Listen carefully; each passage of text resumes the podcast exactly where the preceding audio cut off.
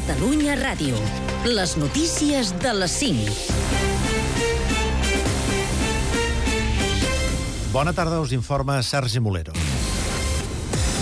La dona d'Alexei Navalny voldria que Putin i tots els seus col·laboradors